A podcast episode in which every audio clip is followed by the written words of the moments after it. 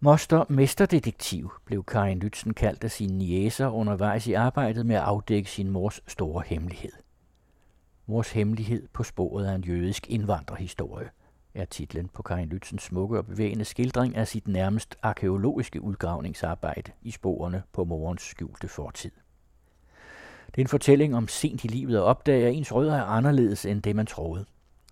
Karin Lytzen voksede op i Fredericia med en dansk far og en fransk mor, men det var først efter morens død, at det gik op for Karin, at der var hemmeligheder i hendes mors fortid. Hun opsøgte sin mors barndomskvarter i Paris og kom langsomt på sporet af sin hidtil ukendte slægt. Annette Brun Johansen taler med Karin Lytzen.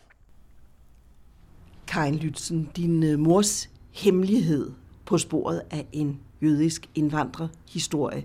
Altså det er så den hemmelighed, du har prøvet at, øh, at afdække, at begribe og sætte ind i en større europæisk sammenhæng. Hvordan kom du efter din mors død på sporet af, at der var en hemmelighed? Ja, øh, det er jo så en lang historie, som jeg prøver at gøre kort.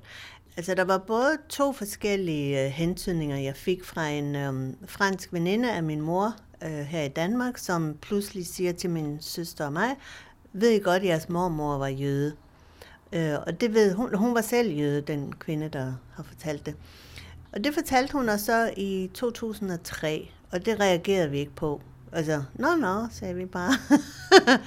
og så øh, lidt senere var der en, øh, en langt ude i familien fætter på min fars side, som øh, spurgte, hvad hedder dine mors forældre egentlig, for jeg skal putte dem ind i mit øh, stamtræ. Og så skulle jeg prøve at finde ud af, hvad min øh, mormor hed som pigenavn. Min morfar hed Lypy, det vidste jeg godt. Øh, men hvad hun hed til um, pigenavn, vidste jeg ikke. Og så fandt jeg ud af det, og hun hed så Landau, som jeg sagde inde i mit hoved, øh, og som jo hedder Landau, hvis man siger det på tysk. Og så sagde han, det er jo et jødisk navn, ved du godt det? Og så kan man sige, at de to ting i, i fællesskab gjorde, at jeg tænkte, nu må jeg hellere finde ud af noget mere. Men i forvejen havde jeg tit tænkt, øh, det kunne da være meget sjovt at vide, hvor mine morforældre egentlig er født hen i Frankrig, fordi vi vidste, at min mor var født øh, i Paris. Og vi havde også hørt øh, min morfar fortælle, at han var vokset op i Paris. Men var han så også født der? Det kunne være sjovt. Måske skal vi lige sige, øh, at øh, min mor var enebarn, så øh, hun havde ikke nogen øh, Øh, søskende, og vi havde altså ikke nogen tanter, onkler, fædre og kusiner, men til synlædende havde hendes øh, forældre heller ikke nogen søskende. Øh, så der var ikke noget fransk familie, ellers så havde de jo kunne fortælle noget. Men øh, så efter min mors død øh, ved, ved vi ikke noget. Og, og de eneste slægtninge, vi har kendt, er hendes far, fordi hendes mor dør også, øh, før vi bliver født. Nå, men øh, så skriver jeg så efter hendes fødselsattest på Rådhuset i Paris, og der står så, at hun er blevet født i 1923, og øhm, at hendes øh, far er født i Rumænien, og, og ligesådan er hendes mor er født i Rumænien. Og det var jo noget af en overraskelse, fordi Rumænien, altså, jeg mener, det var slet ikke et land, jeg havde noget som helst forhold til. I Bukarest var hendes mor født, og, og faren i en anden by.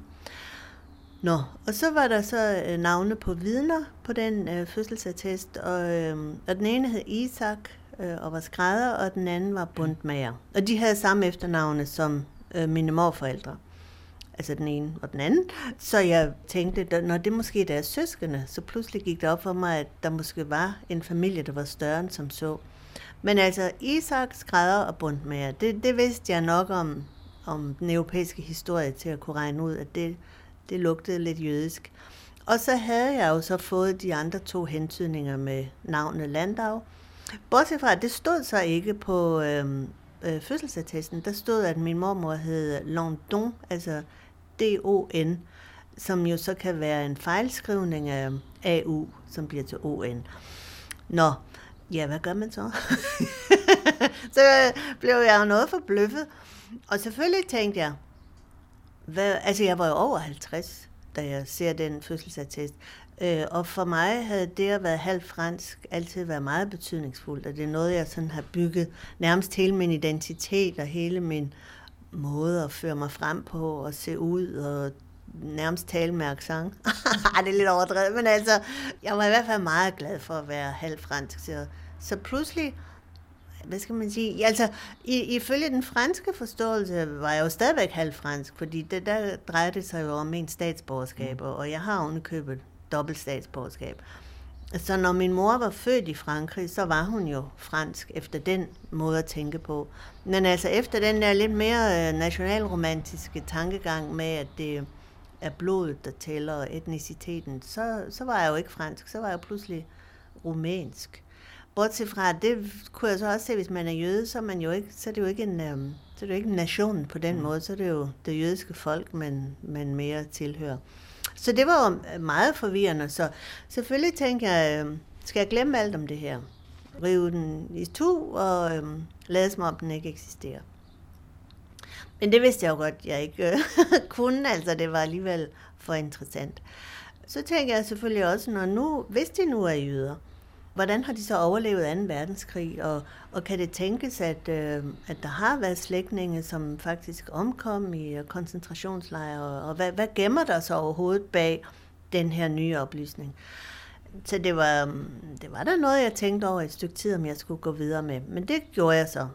Og det gør man jo bare simpelthen ved at sætte sig ind i, hvordan slægtsforskning i Frankrig foregår. Som er meget anderledes end i Danmark, mm. som jeg nu altså heller ikke kender øh, i Danmark, men, men der foregår det jo gennem kirkebøger.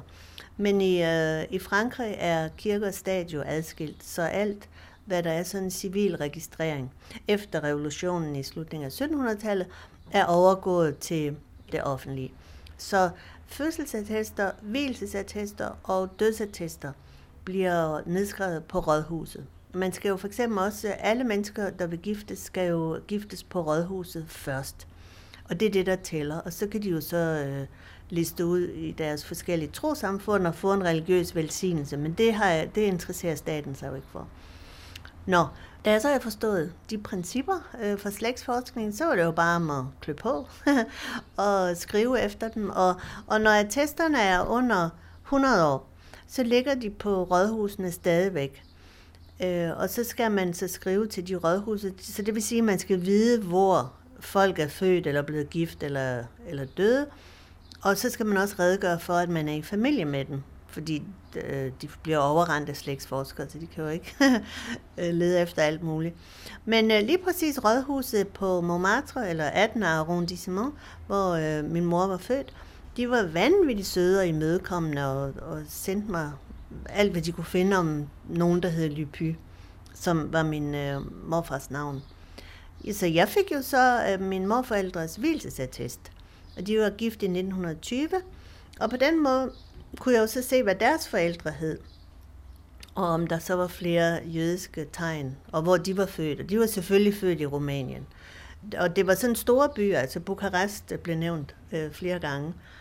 Så de kom altså ikke fra, fra landet, som mange østeuropæiske øh, indvandrere gør, eller land og land, altså ikke bølandet, men fra små byer. Ja, så var de jo skræddere alle sammen. Vidnerne var skræddere, øh, og deres navne var jo meget jødiske. Altså min, øh, min morfars øh, mor hed Leibovich til efternavn, øh, og vidnerne hed Fridman og sådan noget. Øh, ja, hvad fik jeg samlet mere end dødsattest og sådan, ikke? Øh, hvad jeg nu kunne finde. Og ja, så kunne jeg jo så se, at min morfar havde søskende, øh, fordi jeg fik også deres fødselsattester.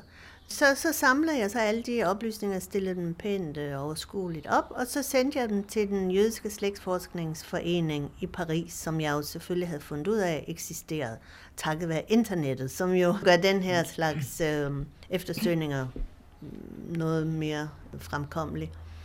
Og så spurgte jeg dem, ligner det her en jødisk familie? Og så var svaret, ja, det gør det. På navne og på erhverv. Men desuden havde, øhm, havde man slået alle navnene op på deportationslisterne under 2. verdenskrig, og fundet navnet på min morfars bror.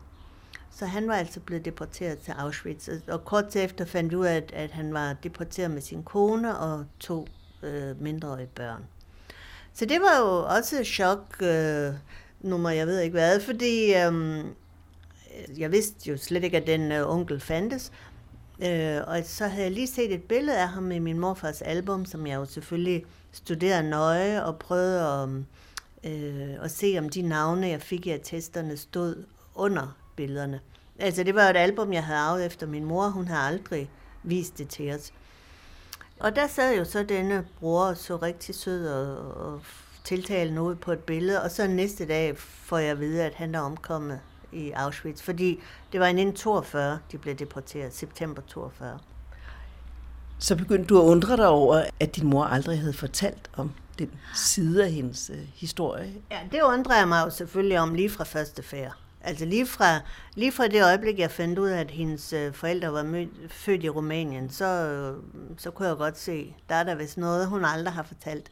Men jeg vil også sige, at min mor har jo aldrig fortalt en løgnhistorie. Det, det er vigtigt at understrege.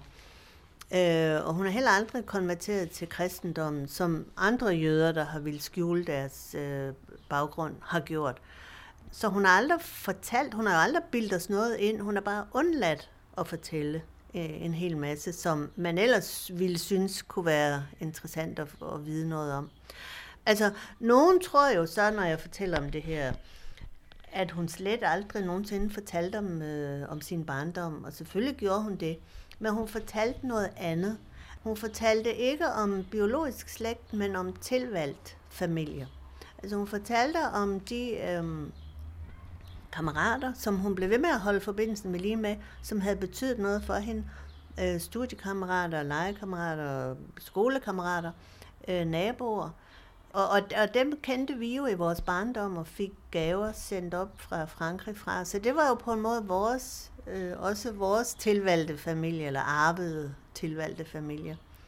Så man kan også sige, at, at min mors øh, måde at forholde sig til omverdenen på, eller det hun er rundt af, er jo så en anden måde, at, eller lægge vægten et andet sted. Altså hun, hun lagde ikke vægten på den biologiske slægt, sådan som det jo tit er almindeligt at gøre, som mange mennesker synes, øh, man skal. Men hun lagde så vægten på de mennesker, hun selv havde øh, valgt til. Ja, så selvfølgelig undrer jeg mig over, hvorfor... Ja, eller hvad, hvad skjulte der så øh, bag øh, hemmeligheden, eller, eller det, at hun aldrig havde fortalt om det. Men da jeg sådan gik videre med den her slægtsforskning, og jeg fik jo så øh, bevis for, at de var jøder, og det vil jo sige, at min mor også var jøde, fordi begge hendes forældre mm. var det. Og, og det er altså ikke ligesom at få at vide, at ens mor er født i Skelskør i stedet for Katteminde. Altså det er ligesom noget lidt andet. Ikke? Det, er jo, øh, det er jo en stor europæisk historie, hun så pludselig var en del af. Ja. Men så da jeg gik videre med den her slægtsforskning, fordi jeg skulle jo finde ud af så meget som muligt, så kunne jeg så se, at øh, de var um, indvandrere, altså både min morfar og min mormors øh, forældre, var indvandret til Paris omkring 1899, hvor der var en exodus fra um, Rumænien. Øh, så begge mine morforældre var børn, da de ankom. 3-5 år har de været, ikke? eller lidt, ja, sådan under 10 år i hvert fald. Øh, så de har gået i fransk skole og har lært at, øhm, at tale fransk uden accent. Øh, og har sikkert også følt sig øh, franske. Men øh, så fandt jeg jo så ud af, at min morfar havde tre søskende, hvor så den ene jo øh, blev deporteret. Og øh, min mormor, hun havde temmelig mange søskende, fordi hendes mor giftede sig igen, da hun blev enke. Så hun, den øh, oldemor har så født øh, seks, syv børn så galt det om at finde ud af, øh, hvad der var sket med alle de søskende, som jo så var min mors øh, tanter og onkler. Og der var ikke nogen af dem, der levede endnu. Jo, den eneste, jeg fandt, som levede endnu, er min mormors yngste halvsøster. Og hun er jo så nu oppe i 90'erne. Men altså, da jeg fandt hende, var hun så, øh, hvad var hun, 88. Øh, hun levede endnu. Men ellers så var der efterkommere, som jeg så kunne kontakte. Altså nogen, som tilhørte min mors generation. Og det gjorde jeg jo så. Måske skal jeg også lige sige, så jeg ikke tager hele æren selv øh, for alt det, jeg har fundet ud af, at, øh, at jeg gik i stå på et tidspunkt. Altså, den måde, man, man skal bære sig ad i Frankrig, øh, gjorde, at jeg endte i en blindgyde, fordi der var nogle oplysninger, jeg skulle have for at kunne komme videre, som jeg ikke havde.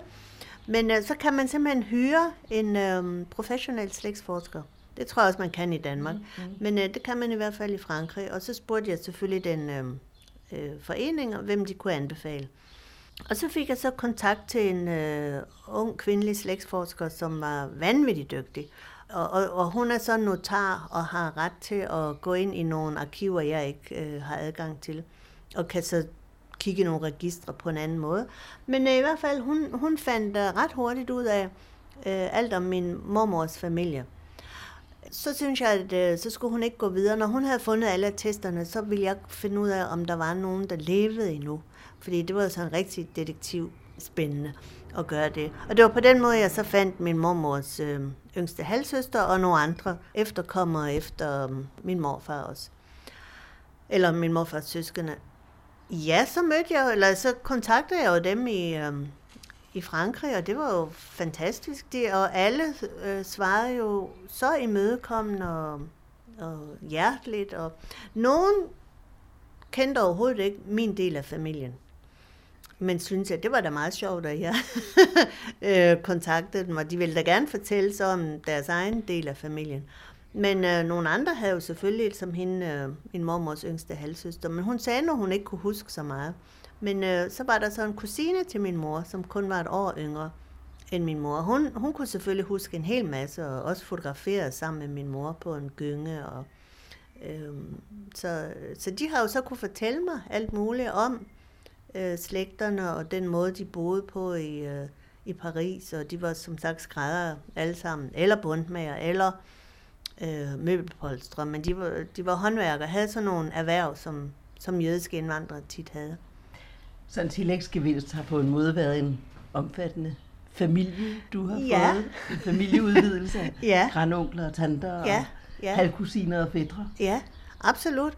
Øhm, og jeg har da selvfølgelig også tænkt på, hvis jeg nu havde kendt dem altid, hvis de havde været en del af min familie, om jeg så havde været lige så øhm, overstrømmen og, og henrygt, som jeg blev, da jeg var over 50 øh, og, og, og fandt ud af, at de eksisterede. Fordi min fars familie er jo stor og afdækket, og jeg har da også øh, grandfædre og kusiner på hans side, som jeg jo ikke øh, render på dørene hver andet øjeblik, eller beder om at fortælle deres historie. Så det er selvfølgelig, fordi den var ukendt, at, øh, at det er så betydningsfuldt. Og, og fordi de er jo nøglen til hemmeligheden, troede jeg. Men altså, ingen, ingen har jo kunnet øh, give mig svaret på, hvorfor min mor undlod at fortælle om det. Altså, de kan jo kun komme med, med løsningsforslag, eller hvad skal man sige, tolkningsforslag.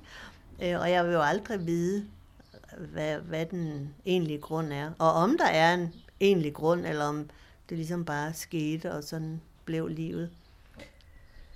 Men du har på en måde så to moderfigurer at forholde dig øh, til. Altså den mor, der har fulgt dig til, ja. Ja. til hun døde. Ja. Fulgt dig som barn, som ung, som voksen. Ja. Og så øh, den samme og alligevel anderledes mor, du, ja. du nu har lært at kende. Ja. ja, altså som så bare ikke er en mor, fordi hun holder jo op med at eksistere, når hun mm. gifter sig. Altså de mister jo alle sammen forbindelsen med hende, da hun giftede sig i i 47 Danmark, og, og flyttede til Danmark. Og på en måde havde de også mistet lidt forbindelsen i 1935, da hendes øh, forældre flyttede væk fra Paris og, og ned til Sydfrankrig. Så allerede der var forbindelsen sådan lidt øh, svag. Så, så det er jo på en måde ikke min mor, men øh, altså det er hendes, hendes fortid, jeg møder. Det er jo det, hun er, er runden af, men som hun tydeligvis ikke ønskede at fastholde. Øh, og det jeg får fortalt, som jeg synes er, er mægtig interessant, fordi det også siger noget om strategier.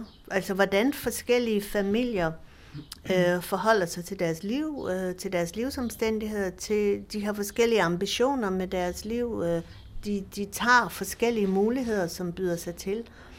Og altså alle kom jo så som sagt til Paris om, omkring århundredeskiftet. Øh, nogle af, af mine morforældres søskende blev ovenikøbet født i Paris og blev så øh, franske statsborger med det samme. Alle, øh, hvilket er typisk for anden generations indvandrere, blev i, i det miljø. Men de fik alle sammen en faglært uddannelse. Altså de blev ved med at være håndværkere. Og de havde ambitioner for deres børn. Men dem, som var, som skilte sig ud fra det, som sådan er en almindelig løbebane, det var mine morforældre, kan jeg forstå på, hvad, hvad jeg får fortalt. Fordi min morfar han blev selvfølgelig også udlært skrædder, ligesom sin far. Jeg tror, hun købte på farens værksted. Øh, og, og der står, at han er skrædder på hans hvilsesattest. Men på min mors fødselsattest, tre år efter, der står, at han er repræsentant i klædestoffer. Øh, og det er jo også det, jeg husker fra min barndom, at han var.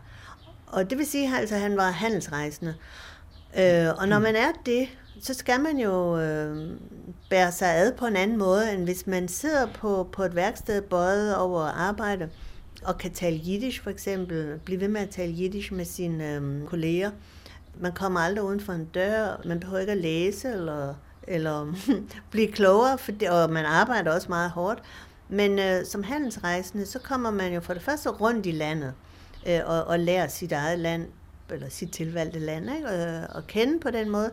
Øh, men han skulle jo hele tiden også kontakte folk, som skulle købe noget af ham, så han skulle være beleven, øh, øh, charmerende, vedholdende, øh, og alligevel ikke for påtrængelse, så han var sådan en irriterende type.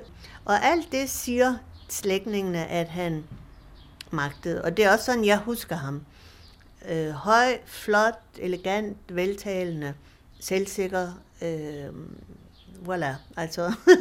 så, så han, han adskilte sig fra resten af familien, altså både fra sin egen familie og fra hans kones familie. Min mormor, hun er også ældste barn, ligesom min, min morfar er, så de er begge to, altså de ældste af en søskende flok. Og hvorvidt hun selv har haft ambitioner på den måde, eller om hun bare har fulgt sin mand, det, det er ikke rigtigt til at sige. Men altså hun levede så også på den måde. De, de fik kun et barn, hvorimod alle de andre fik flere børn. Altså de fik kun min mor øh, som de så også pacede frem i, i hele skolesystemet, og hun øh, endte jo også med at læse på Sorbonne som den eneste, fordi alle hendes jævnaldrende fik jo også en håndværksuddannelse, eller kom på kontor, hvilket jo også var at stige graderne. Men altså, hun sprang jo virkelig. Det er jo virkelig en klasserejse, der, der vil noget. Altså, de ville noget andet end deres slægtninge.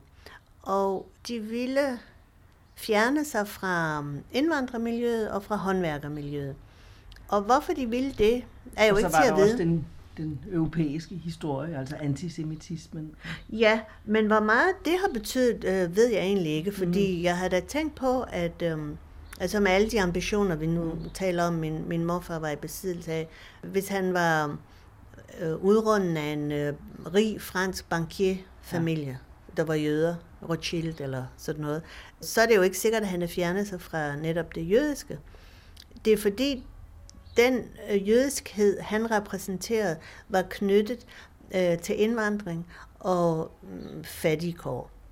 Og man kan jo ikke ligesom lægge afstand til, øh, til det østeuropæiske, uden samtidig at lægge afstand til det jødiske. Det hang jo sammen for ham.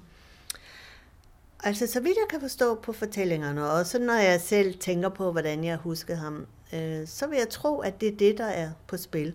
Man kan også sige, at den ædle forklaring, og så mange, der har læst bogen, tilbyder mig, fordi... ja, fordi de tænker godt øh, om min mor. Det er jo at sige, øh, hun ville beskytte os øh, mod antisemitisme. Hun havde oplevet den i Frankrig, og det skulle vi ikke øh, komme ud for. Og nu var hun i et andet land, og så var det muligt at, at lægge afstand til det. Og det, det synes jeg, der er en smuk øh, forklaring, øh, som jeg da også øh, øh vil tillægge betydning. Men jeg tror bare ikke, det er hele betydningen. Fordi, øh, så vidt jeg kan forstå, havde de som sagt allerede fjernet sig lidt fra miljøet i, i 30'erne.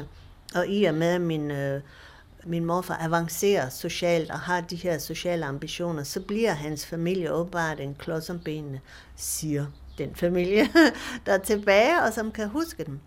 Og, og den, der jo er det mest interessante vidne, er min mors kusine, hende som er et år yngre, hvis øh, mor, hendes mor var søster til min morfar giftede sig med en øh, tøndemager, som var indvandret som øh, ung til Frankrig, og derfor aldrig lærte at tale ordentligt fransk, talte frygtelig med accent, og blev ved med at være arbejder.